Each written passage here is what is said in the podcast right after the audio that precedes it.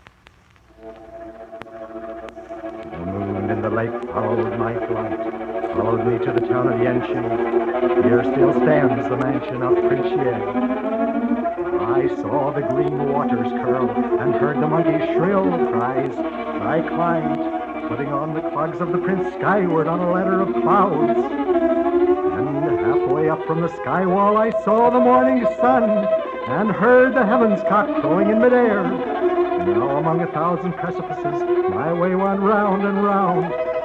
Flowers choked the path. I leaned against a rock. I swooned.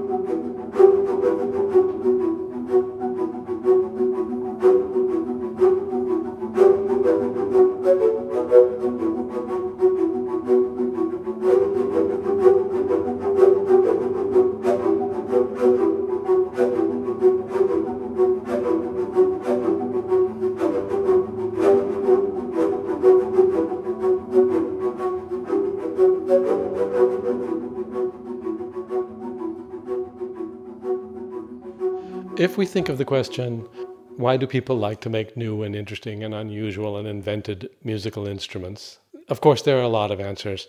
One of the most obvious would be people are looking for new and interesting and unusual sounds.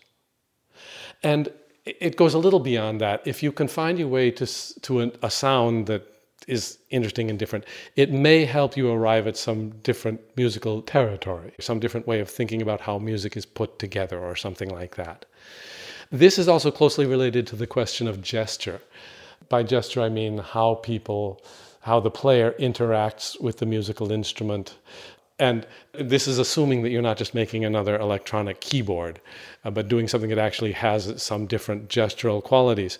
And these gestural qualities typically are going to translate into different kinds of note patterns, different kinds of musical relationships that come out because the way it feels to play the instrument is different. The note patterns that fall naturally under the hands feels different, or even the non-note patterns that fall under the hands may sound or feel quite different. And so that also can take you to some new and different and unusual musical territory that you might not otherwise have arrived at.